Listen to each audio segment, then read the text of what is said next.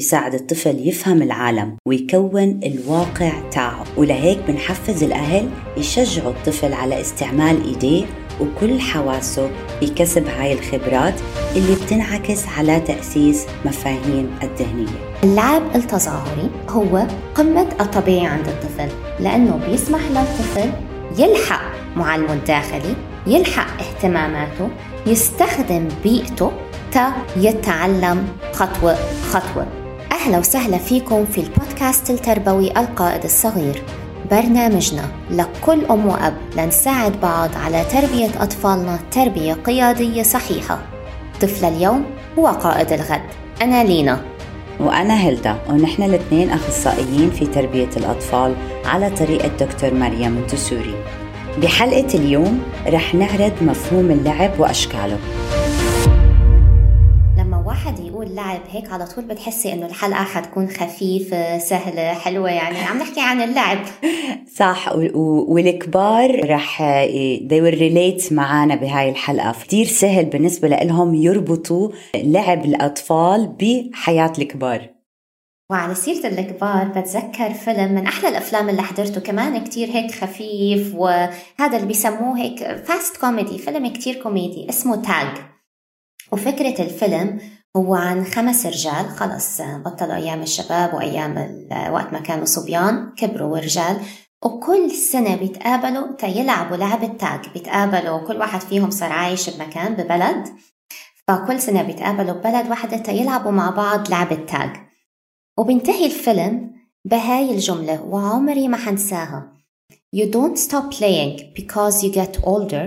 You get older because you stop playing. نحن ما بنوقف لعب لأنه كبرنا. نحن بالعكس بنكبر لما نوقف لعب. فشو رأيك يا هلدا بهالحكي؟ كبرنا أو لسه عم نلعب؟ اللي بينسى يلعب هو وهو وصغير ما انعطى تشانس إنه يلعب. فهو نسي كيف يرفه عن حاله. هاي المهارات اللي هي بتساعده يتأقلم مع ال situations الصعبة يتأقلم مع ال stress يتأقلم مع الحياة الاجتماعية. ف I think دوروا على حدا والعبوا معه بأي شيء بأي طريقة ضلكم عن جد العبوا وقيموا التوتر عن حالكم. حتى على فكرة بيقولوا ال couples يعني المتجوزين لما بتلاقي رياضة مشتركة تلعبيها مع جوزك بتضلي معه إن شاء الله لطول العمر بس بتضلي معه كمان لفترة أطول وبيكون في هيك مثل روح تنافسية حلوة ما بين الكابلز بيكون في هيك روح خفيفة هيك اللعب فعلا اللعب بيجمع. وهي من حلاوة الأمومة والأبوة. هي اللعب لأنه الله بيرزقنا بأطفال. والأطفال شو بدها تعمل؟ الأطفال بدها تلعب. فنحن كأم أو كأب بنقضي وقتنا نلعب معهم. فحتى يعني كتير أيام لما نلعب مع أطفالنا بنتذكر نحن الألعاب اللي كنا نلعبها أيام زمان. يعني هلا مثلا بنتي جنين لما تشوف وأكيد انت لعبتيها كمان هلدا وانت وانت بأيام أيام الصغر.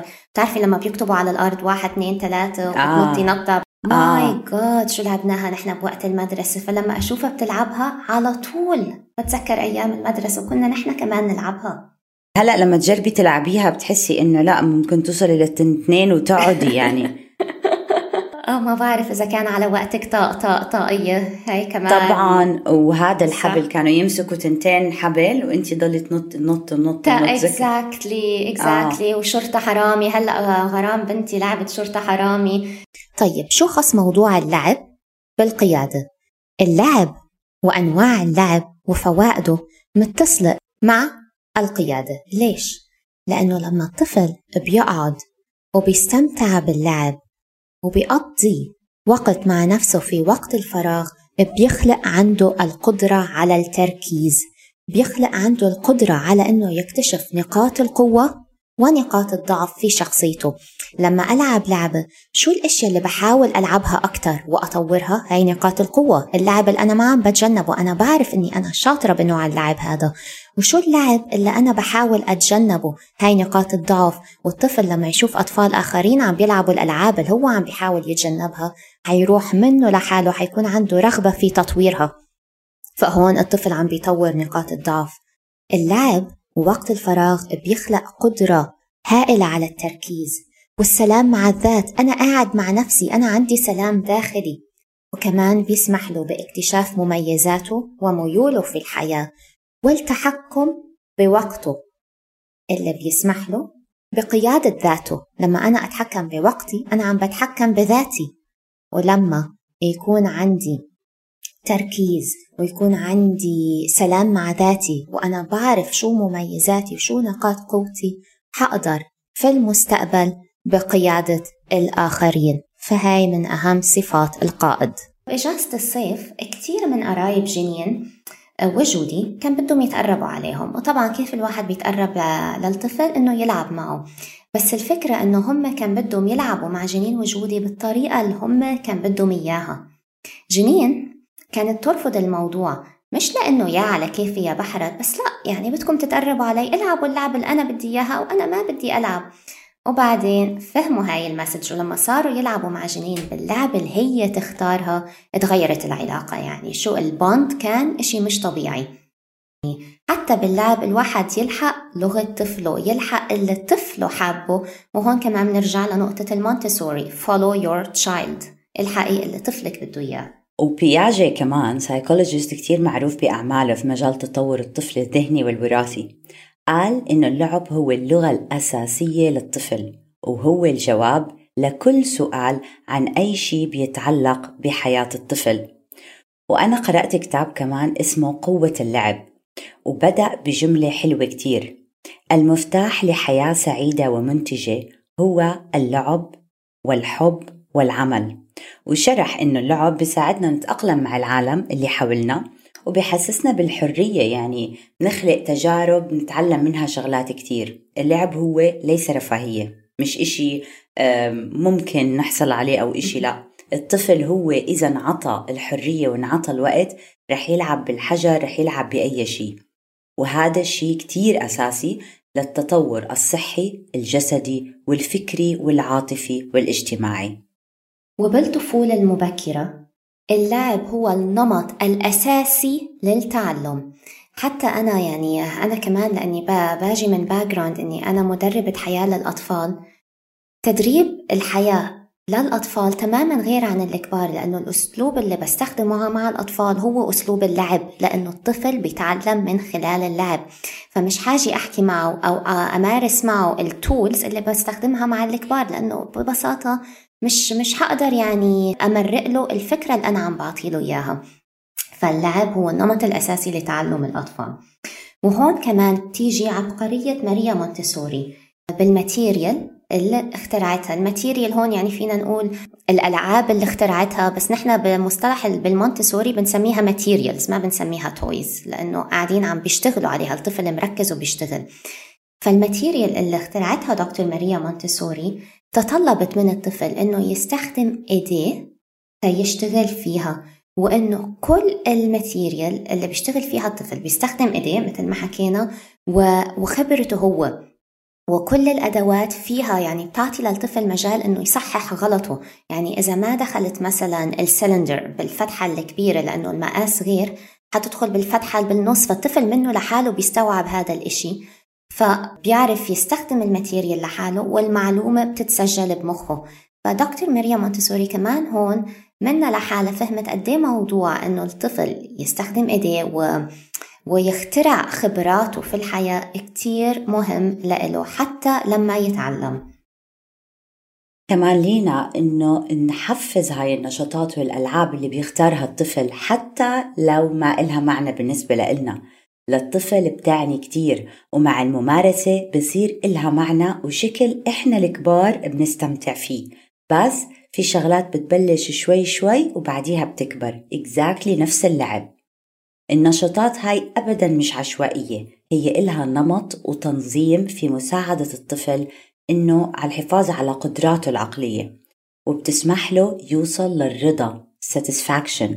لما يخلص اللعب بتحسه زي كبير أنجز مهمة كتير صعبة. وهذا دليل على إنه هو عم بيعمل نشاط ذهني وجسدي كبير إنه هو مش بس هيك عم بتحرك عشوائيا أو أو ما في plan براسه.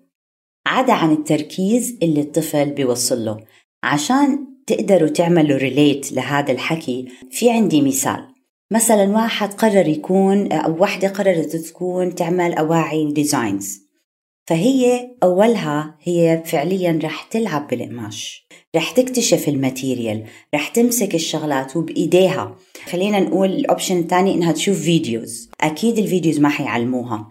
فهي محتاجة تمسك بإيديها وتعمل الشغلات بإيديها وتحس ال material بإيديها. آه هاي بتنطوي هاي ما بتنطوي. وهون وحتورجي الديزاينات أول مرة لا في أغلاط تاني مرة ثالث مرة. فهذا exactly هو نفس ال concept اللي عم ببنيه الطفل باللعب. نفس ال concept إحنا بنعمله وإحنا وكبار لأنه تعلمنا كيف نعمله وإحنا وصغار وكان عندنا التركيز والحرية فقدرنا نعمله وإحنا وكبار. وقدرت هي مثلا هاي الخياطة قدرت إنها تلعب بالقماش وتلعب بال environment لحد ما قدرت توصل فكرتها اللي جوا براسها للعالم الخارجي. ما في عن جد أحلى من نظرة الطفل لما يحس بالفخر إنه عمل إشي؟ يعني جودي مثلا عمرها سنة يا سلام يعني كأنها حررت العالم بس لما تسكر هيك قنينة المي بتشيل الغطا وبتسكر وإنه هي magic بتطلع وبتطلع علي هيك وبتضحك إنه أنا سكرت القنينه وبترجع بتفتح وترجع بتسكر ترجع تفتح وبتسكر وبتفضل تقول مي مي مي. مش لانها بدها تشرب مي لأنه بدها تفتح وتسكر بالمي. وكنت عم براقبها من كم من يوم. لا عضلات الإيدين الأصابع فعلا يعني عم تتحرك عم تفتح وعم بتسكر. فيس هي اللي اختارت الموضوع هذا. طبعا الطفل الثاني تقليد عمل الأكبر. هلأ فهمت ليه بيقولوا الأم توقف لورا ما في داعي تعلم. بالزبط. آه. لدرجة إنه جودي بتقول لجنين أيام بتناديها ماما. ماما يا جنين يا جودي أنا هون أنا ماما. بتلحق جنين وبتقول لها ماما. فياس سبحان يعني عن جد سبحان الله هي عم بتقلد جنين بكل شيء وعم تتعلم منها كل شيء فإنه عشان هيك دائما بحكي لك الثاني بيكون كتير بتعلم أسرع من الأول. Yeah. ليه كمان الأول بيكون عم بيقارن حاله بكبار سو كتير لود عليه آه. وإذا إحنا حركتنا مش بطيئة ما عم بنورجيه الشغلات شوي شوي بيقول أوف هدول كتير وبيأسوا تحسي الأول شوي هيك بيأس بسرعة من, آه. من الشغل وهون لينا بنوصل لنقطة إنه خلينا نتعرف على أشكال وأنواع اللعب هي مأخوذة أخذناها من كتاب The Power of Play بيقولوا إنه الأطفال بيخلقوا خبرات تعليمية من خلال أربع مجالات أو أنواع للعب. أول نوع اللي هو الماستري. بيستعملوه الأطفال ليأسسوا مفاهيم ويطوروا مهارات. مثلا لما الأطفال بيكونوا مفهوم إنه هذا المجسم موجود حتى لو مش شايفينه. دكتور منتسوري استوعبت هذا المبدأ ووفرت material أدوات لتساعد الطفل في تأسيس مفهوم دوام المجسمات. دوام المجسمات بمعنى إنها حتى لو غطيناها وهي لعبة كتير مشهورة كل الأطفال بيحبوها لما تغطي ال teddy bear وترجع ترفعي الحرام عنه إنه أوف أوه بيحبوها. peekaboo exactly. في هذا اللعب الطفل عم يختار هو الأدوات اللي بتساعده يأسس ويطور المفاهيم ويجربها بحرية. بعيد عن أي حكم من الكبار.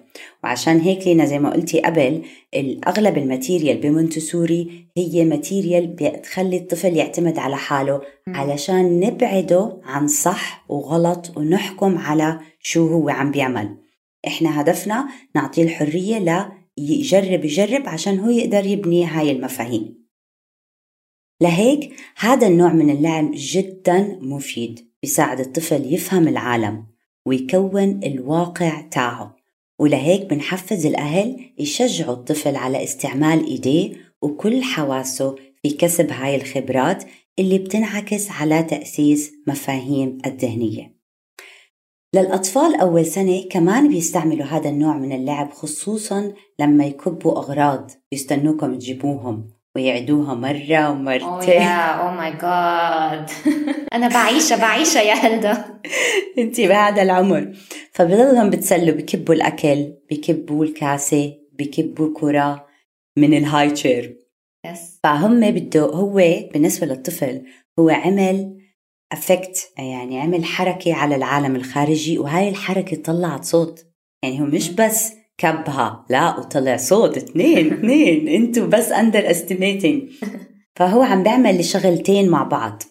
بهاي اللعبة الطفل بحس إنه أثر على البيئة وشاف كيف عم بيكتشف هاي الأجسام عم بيكتشف الأزاز عم بيكتشف البلاستيك عم بيكتشف الخشب.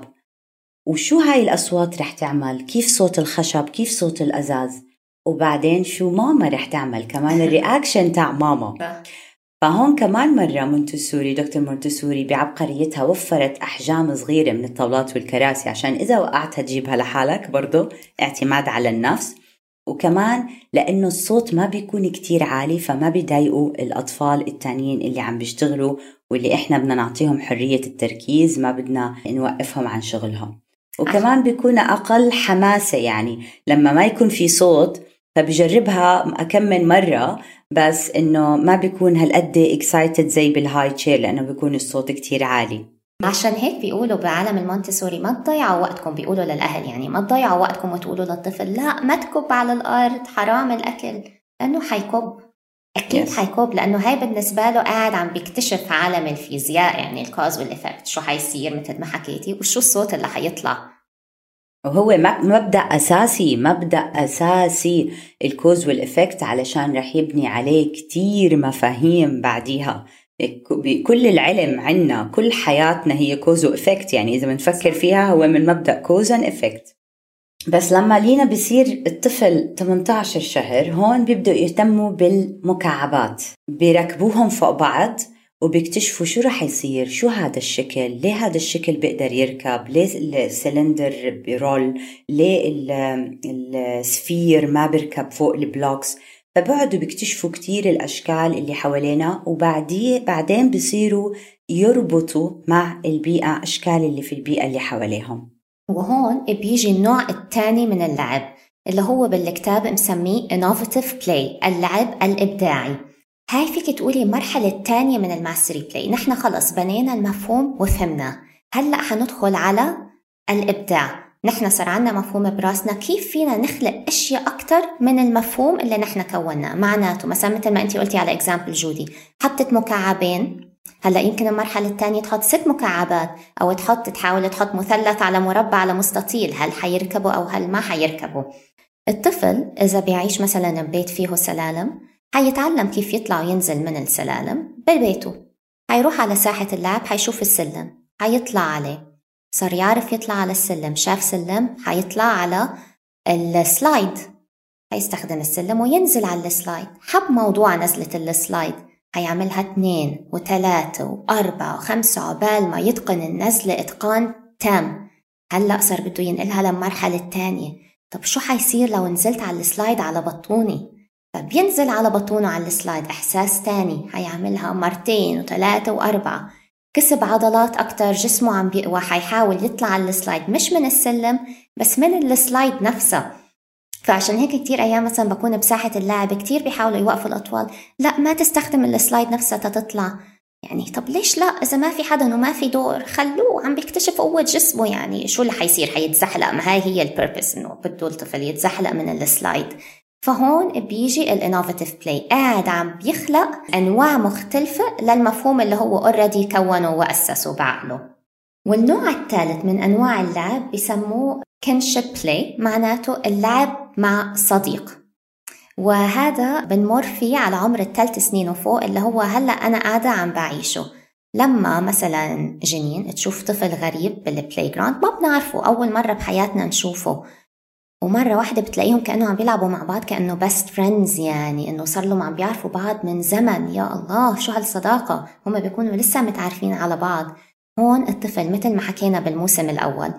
بعمر الثلاث سنين وفوق بحاجة إنه يلعب مع صديق بحاجة عم بيحاول يكون المفاهيم الاجتماعية. بيلعب مع صديق عم بيحاول عم بيمارس اللغة عم بيمارس اللعب والطفل كمان بحاجة إنه يلاقي حدا من قده يحكي معه خارج سلطة الكبار إنه نحن مستقلين نحن عم نحكي اللغة اللي نحن بدنا إياها. أنا وإنت فاهمين على بعض نحن الاثنين فاهمين مثلا حلاوة لعبة كاتش أو إنه نحفر ونخبي الورد أو الا هم عم بيحاولوا يعملوا.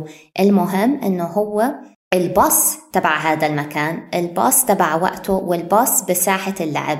خارج ماما وبابا.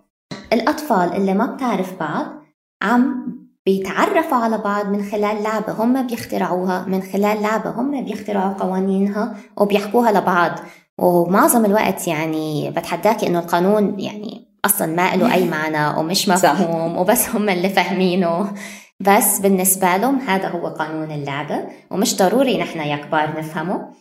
وعشان هيك بيقولوا إنه على ثلاث سنين وفوق كتير مهم ناخدهم على ساحة اللعب أو ناخدهم يتمشوا بالحديقة أو يتمشوا بال community لأنه قاعدين عم بيدوروا على صداقات وبدهم حدا من عمرهم يلعب معهم. بالضبط. وفي نقطة هون كتير مهمة لينا امبارح كنا نحكي فيها إنه وقت اللعب إذا هو بيروح على المدرسة بيكون بيختلف عن إذا هو بالبيت فإنه إذا بالمدرسة هو already عم بيعمل socializing already عم بيلعب. بالحديقة مثلا عشان وقته وعشان كمان نتأكد إنه يكون هو عنده وقت فراغ بالبيت لحاله يعمل الشغلات اللي هو حابب يعملها اللي هي عم تخطر على باله يكتشف الأفكار أو يسمع الأفكار اللي براسه. فإنه ما يكون بأيام المدرسة ما يكون طويل. يعني maximum ساعة is more than enough يعني. نص ساعة كمان برضو منيحة أوقات بس إنه يكون exposed بصير إذا إذا بنفس ال compound مثلا بصيروا بيعرفوا بعض الأولاد فبيكونوا عارفين exactly أي لعبة رح يلعبوها فبسرعة ما بتاخذ وقت معهم. وآخر نوع من آه، أنواع اللعب اللي هو اللعب العلاجي. اللعب العلاجي هو زي مثلا هلأ إحنا إذا بدنا نقيسها علينا الكبار زي أنا أكون stressed وأروح على الجيم أو أكون stressed أحكي لصحباتي إنه يلا نروح نلعب basketball أو يلا نروح نعمل شي cycling فهو بنفس هاي الطريقة للأطفال. بيتعاملوا معه بس بيكون اسمه اللعب التظاهري. هو عن طريق اللعب التظاهري pretend play. كتير أطفال بيلجأوا إله ليحلوا مشاكل اجتماعية ممكن مع أصحابهم مع إخوانهم مع أهلهم أو مع معلمهم.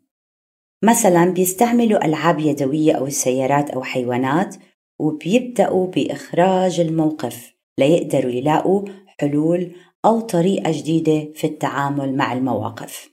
لينا أكيد أنت هلأ جنين لأنها بهاي المرحلة. أكيد شفتي مثلا ع جنين إنها استعملتها أو سوت شي بالبيت إنه خلاكي تعرفي أكتر عن المدرسة أو yes يعني أنا هديك السنة عرفت تفاصيل يوم جنين وأسلوب مدرسة جنين وال language اللي بتستخدمه معلمتها بالصف من خلال اللعب التظاهري تبع جنين. قدرت تماما من لعب التظاهري أستشف كل تفاصيل يومها وهون فعلا لما يقولوا ما تقطعوا طفلكم والله ما كنت أقطعها ابدا بالعكس يعني أسمع بالتفاصيل المملة هي شو عم بتقول تأفهم إذا البنت مبسوطة مش مبسوطة وشو عم بيصير يعني. هون إحنا فينا نستمتع ونراقب yeah. ونسمع وعشان كمان نساعد الطفل إذا هو عالق عند مفهوم مش عارف أو موقف اجتماعي هو مش عارف يتصرف معه ممكن إحنا بكل بساطة إحنا يعني عرفنا هو وين عالق عرفنا عقله يعني إحنا ال Montessori teachers أوقات بنستنى أيام لنعرف exactly exactly وين واصل مستوى تفكيره بهذا ال topic مثلا عشان ناخذ هاي النقطة ونبني عليها. اللعب التظاهري بي بيقول لك بفتح لك عقله كله بتقدر تشوف كل شيء هو قلقان منه. صار معنا موقف بال nursery كان في طفل فجأة تغير طريقته بالتعامل كان مبين متضايق بده يقعد لحاله. شفته مرة عم بيلعب بال sharks بهيك سلة فيها sharks فقلت له ممكن ألعب معك؟ قال لي آه.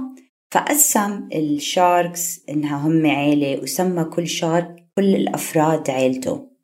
بعدين طلع شارك إنه هو راح على الطيارة. بابا سافر بالطيارة. وأنا رح أدير بالي على البيت. أنا رح أحمي البيت. أنا إذا إجا حرامي رح أضربه. فحسيت إنه عنده بتحمل مسؤولية وهي كلمة إحنا كتير ناس بيحكوها. بس عن جد انتبهوا منها هالكلمة. انت رجال البيت دير بالك على البيت. للأسف إحنا يعني كتير بنحكيها yeah. كتير عائلات بنحكيها. فإنه هي جدا بسيطة إنه آه أنت رجال البيت ودير بالك على البيت. هذا الكلام ممكن ينحكى على 11 سنة 12 سنة. بس بهذا ال sensitive age هو كان عمره أربع سنين. بهذا ال sensitive age بياخدوها literally. يعني literally حرفيا إنه أنا بدي كيف بدي أواجه الحرامي. فهو عم بتخيل هذا السيناريو. إنه واحد كبير أنا كيف أضربه؟ ومن وين أضربه؟ oh, wow. فوقتيها حكينا بإنه كيف إنه لا إنه كل واحد إنه ماما هذا الحرامي ممكن يكون طويل فماما كمان طويلة فماما ممكن تقدر هي تخوفه. فحكينا عملنا شوية ريزنينج ووقتها فهمنا ليه هو لهالأسبوع تصرفاته آه، مختلفة عن الطبيعي تاعه. وعلى فكرة هاي الجملة عم تتقال يعني أكيد عن طيب نية من باب إنه نحمل الطفل مسؤولية ونع... ونعلمه. بس هون أجام نرجع لفلسفة المونتسوري الطفل بيتحمل مسؤولية مناسبة لعمره. فبالعكس يعني ياس حملوه مسؤولية بس مثلا دي أنت مسؤوليتك لما أنا أسافر تسقي الزرعة هاي كل يوم. التخت مثلا غرفتك البيئة تاعتك يعني هاي الشغلات اللي هي شغلات تعمل فنجان القهوة لماما مثلا. هيك يعني أشياء صغيرة آه على قد عمره. نسبريسو مو غلط. سمعتيني وأنا عم بطلب من ريان فنجان قهوة؟ آه دايما yes فهذا اللعب اللي هو اللعب العلاجي إذا تشاركنا زي ما قلنا إذا تشاركنا فيه مع الطفل قعدنا سمعنا زي لينا عرفت كل أخبار ال nursery ف... فبيخلينا بيساعدنا إنه نوصل لل shortcut. بيعطينا ال secrets بيعطينا مفاتيح العقل بيعطينا ال benefit أو الفائدة إنه نبني على هاي الأفكار اللي already متأسسة و already موجودة. لما الأطفال يلعبوا غالبا بيلعبوا ألعاب من اختراعهم والقوانين كمان زي ما قلنا من قبل من اختراع من اختراعهم. وقت ما بدهم بيكسروا القوانين وبعدين بيرجعوها. الطفل أثناء اللعب بحس بحرية في التجربة. ليه في قوانين؟ مثلا هم بيكونوا يفكروا بكونسبت إنه ليه برا في قوانين؟ فبيروحوا بيلعبوا وبيجربوا القوانين باللعبة. وأوقات كمان بجرب يكون جريء مثل صاحبه اللي بالحضانة وبجرب يكون قوي مثل أبوه وبجرب كتير شغلات وصفات.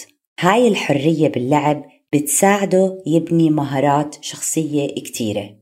وتنأكد على أهمية اللعب حكينا مع تشارلت وتشارلت خبيرة ومدربة في مجال المونتسوري ومؤسسة Enriching Environments وعندها صفحتها على الإنستغرام واشتغلت كتير مع أهالي في منطقة الشرق الأوسط وخارجها على كيف يتوصلوا للنضج الداخلي عند التعامل مع أطفالهم حتى أطفالهم يربوا بطريقة مونتسورية ويطلعوا أحلى ما عندهم مثل ما بيقولوا to unfold naturally. فهي كانت عم تحكي لي إنه ال pretend play اللعب التظاهري هو قمة الطبيعي. وبتتذكري هلدا حكينا بمصطلح normalization ب season 1 و normalization هو التناغم اللي بيوصل له الطفل تناغم اليد مع القلب مع العقل لما بتلاقيه بقمة تركيزه.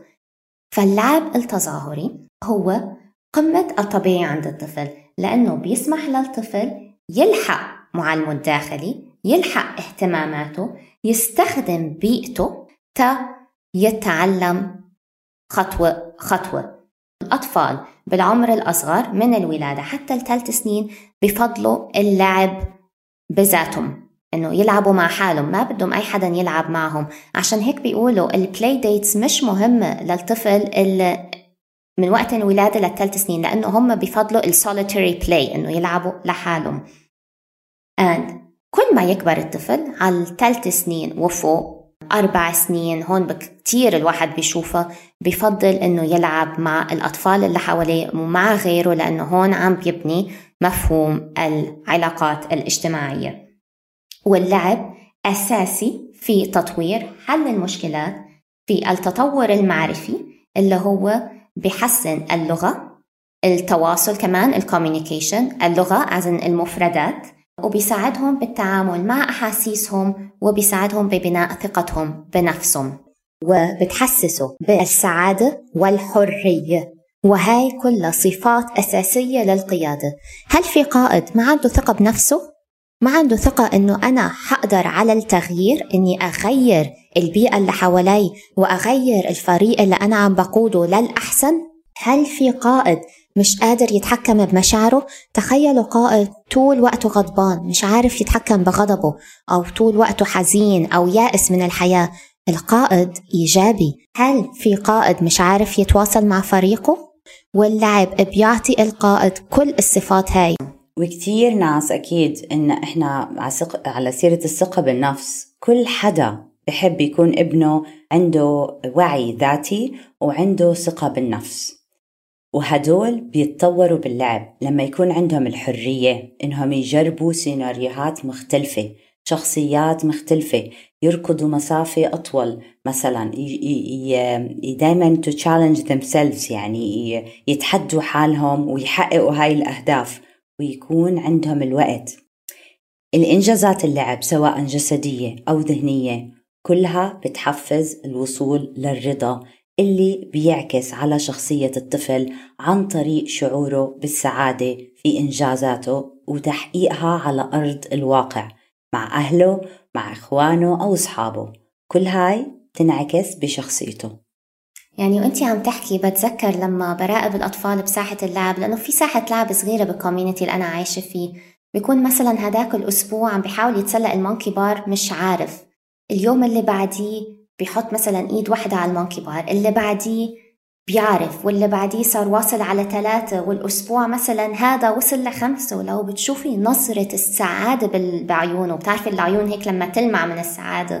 وينادي الأم ماما شوفي فعلا يعني إنه هذا فخر داخلي يعني ثقة بالنفس مش معقولة إنه أنا عرفت أنجز هذا الإشي بنفسي. هون كمان اللعب بيخليهم يقدروا يعبروا عن أحاسيسهم. ماما شوفي أنا عم بتسلق المونكي بار وأيام الأحاسيس كمان مثل ما بتكون سعيدة من مثل اللعب التظاهري عم بيعبر عن غضبه مثلا. ليه ضربت أختك مثلا؟ قاعد عم بيستخدم اللعب التظاهري عم بيسرد فيه الأحداث اللي صارت هو مثلا ليه ضرب أخته. من خلال اللعب التظاهري الطفل بيعبر عن الأحاسيس الحزن التوتر السعادة القلق. فهذا هو جمال اللعب. في مصطلح بالإنجليش بيسموه process. اللعب بيسمح للأطفال to process their day. إنه يستوعبوا شو صار بيومهم. وكمان لينا اللعب بيعطي سعادة. سعادة كبيرة. مين منا ما بيفرح بس يلعب مع أصحابه؟ لعبة الأفلام شريدز ألعاب رياضة. الأطفال بحسوا بسعادة كبيرة وحرية لأنه هم اللي اختاروا وفكروا وأنجزوا وحققوا. وبتخليهم يعرفوا كمان كيف يكونوا هيك ناس مرحة. يعني مش إنه كل إشي جدي أو إنه خايفين من اللي جاي أو مش مش قادرين يتوقعوا شو جاي بعدين بيومين أو لا بيكونوا جدا مرتاحين لأنه عندهم الوقت يهضموا زي ما قلتي قبل شوي. يهضموا هاي المفاهيم يستوعبوا شو صار قبل فلأنهم بكون عندهم الوقت to digest بيكونوا ناس مرحة ناس مرتاحة مع حالها chill بيكونوا بيحكوا بيعرفوا يحكوا نكات. وهاي الخصال كلها هي جدا مهمة في تطوير مهارات التأقلم ومهارات الراحة. أنا بعرف كيف أريح حالي. أنا لما أكون stressed بعرف مع مين أحكي وبعرف مع مين أعمل وبعرف شو أعمل. فهذا كتير شغلات بتحسن ال mood وبتخفف التوتر بحياتنا in general توتر مرض العصر زي ما بيقولوا. وكملنا حديثنا مع تشارلوت وأكدت أنه لما الأطفال يلعبوا مع بعض لما يوصلوا على عمر الأربع سنين هون بيوصلوا للعب اللي بنسميه social cooperative play اللعب الاجتماعي. لأنه مثل ما حكينا على سن الأربع سنين كتير بتهمهم العلاقات الاجتماعية والصداقات. وهذا هو قمة ال social play الأطفال تلعب يا مع صديق واحد ممكن يبلشوا مع صديق واحد بعدين لما شوي شوي يتعودوا على العلاقات الاجتماعية بيدخل صديقين وثلاثة وأربعة على الخط. وبيلعبوا كلهم مع بعض تيوصلوا لهدف واحد مشترك. هم بيكونوا already خططوا له من خلال اللعبة اللي اخترعوها والقوانين اللي اخترعوها للعبة وعادة باللعب هذا بتلاقي الأطفال وكتير مضحك يعني لما تقعدي تتفرجي على الأطفال وتسمعي لغتهم قاعدين عم بيتفاوضوا. بالذات باللعب التظاهري. لا أنا بدي أكون الدكتور وأنت حتكوني المريضة. لا أنا الدكتور وأنت المريضة. لا أنا بدي أكون المريضة وأنت الدكتور وعم بيتخانقوا بس. بيتفاوضوا وبيعرفوا عادة معظم التفاوض. إذا أنا ما كنت هيك ما حأعطيك ال candy. okay okay okay خلص أنت كوني الدكتورة وأنا حكون هذا فيعني الطريقة اللي بيتفاوضوا فيها عن جد مضحكة بس بيوصلوا لهدفهم. وكمان من خلال اللعب طبعا بيتعلموا كيف ياخذوا أدوار وكيف يستنوا دورهم؟ يعني لما بدها تطلع على السلايد وفي ثلاثة قدامها لازم تستني دورك أو لازم تطلبي دور. بدها تركب المرجوحة وصار له ساعة بيتمرجح الولد اللي قبليها. طب خلينا نسأله لو ممكن ناخد دور. فهون كمان بيتعلموا مفهوم كتير مهم كمان بخلال هذا العمر إنه كيف يعرفوا يلاقوا نفسهم ويجدوا نفسهم بدائرة اجتماعية صغيرة. فيمكن يتقبلوا بالدائرة هاي ويمكن ما يتقبلوا ويواجهوا لأول مرة بحياتهم الإحساس الرفض. فمن خلال هذا كمان الإحساس الطفل بيتعلم المرونة في حل المشكلات وإنه it's okay okay. هم عم بيلعبوا مع بعض المرة الجاي بيلعبوا معك. وكمان شارلوت شاركت معنا نقطة كتير مهمة لينا اللي هي التركيز. من خلال اللعب الأطفال بيطولوا التركيز. مثلا لما يكون طفل بالحضانة أو بالبيت شغال على أي ماتيريال أي شيء من غير المرغوب إنه نوقفه إلا إذا في شيء له علاقة بالأمان للطفل أو لطفل آخر أو في يعني في في مشكلة. بس الطفل محتاج هذا التركيز لتأسيس المفاهيم والتأقلم مع العالم الخارجي وإن إنجاز أهدافه بغض النظر كيف شكلها لإلنا. وإذا قررت إنك أنت تنضم له ممكن جنتلي هيك بكل هدوء تسأله بصوت واطي ممكن أشاركك؟ بس تذكر هو اللي رح يحط القوانين هو رح يختار اللعبة وأوقات بحاسبك على القوانين وأوقات لا. هو مبدأ أنا داخل بفلوسي بس يعني هيك هذا هو المبدأ. فأنتوا حاولوا إنكم تلحقوا الطفل. كل الأهل لازم يعملوه هو توفير الوقت والمكان للطفل عشان يبدأ وعشان يلعب. هذا كل اللي علينا نعمله توفير الوقت والمكان والطفل. هو الله خلقه الطفل مبدع. الطفل حيروح مطلع حيستخدم الشوكة ويعملها مايكروفون حيستخدم الطنجرة ويعملها طبلة. فالإشي الوحيد اللي لازم نحن نعمله ونستثمره الوقت والمكان. وعشان يقدر الطفل يبدع مثل ما حكينا بالحلقة الأولى من الموسم الثاني أعطوله المجال إنه يبدع. ما تضغطوا الجدول. خلونا نحاول قد ما بنقدر نتجنب ضغط الجدول إنه بعد المدرسة بدنا نطلع نسلم على كذا أو عنا play date كذا أو عنا درس سباحة أو عنا درس gymnastics أعطوله أعطوله بدكم تشوفوا الإبداع الإبداع بده وقت وبده راحة وهذا أكدنا عليه كتير بالحلقة الأولى من الموسم. وكل ما نقدر نكون ريلاكس نحن يا أهل ونتفرج من بعيد كل ما الطفل حيبدع أكتر. وطبعا إذا عزمك إنه تلعبي معه فاستغلي الفرصة والعبي معه لأنه ساعتها الطفل حابب يوطد علاقاته معكي وأنا مريت فيها وأكيد أنت مريتي فيها هلدا. Yes. أكتر أكتر أيام بكون فيها صداقات مع جنين وبتنام وهي مبسوطة وبتشكرني عليها لما مثلا أصير أنا عم بحكي لغتها ونحن الاثنين قاعدين عم نعمل pretend play مع بعض وعم بلحق السيناريو تبعها مش السيناريو تبعي. بتكون يعني فعلا بقمة السعادة. وإذا مثلا الطفل ما مشترك بأنشطة بعد المدرسة لأنه الأهل بيشتغلوا اتأكدوا قبل ما ينام يكون عنده نص ساعة من الزمن هيك فاضي وقت من الفراغ الطفل يقدر to process الدي يهضم يومه ويعبر عن اللي صار معه من خلال اللعب. بالضبط لينا. كل ما سمحنا للطفل بوقت اللعب كل ما أعطيناه الوقت ليأسس مفاهيم ويطور مهارات. ويحفز الإرادة والخيال والتأقلم مع البيئة اللي حواليه. ما في أجمل من الإخوان والأصدقاء كيف بيلعبوا مع بعض بغض النظر عن العمر. طفل اليوم هو قائد الغد. أنا لينا. أنا هلدا. نستناكم بالحلقة الثالثة.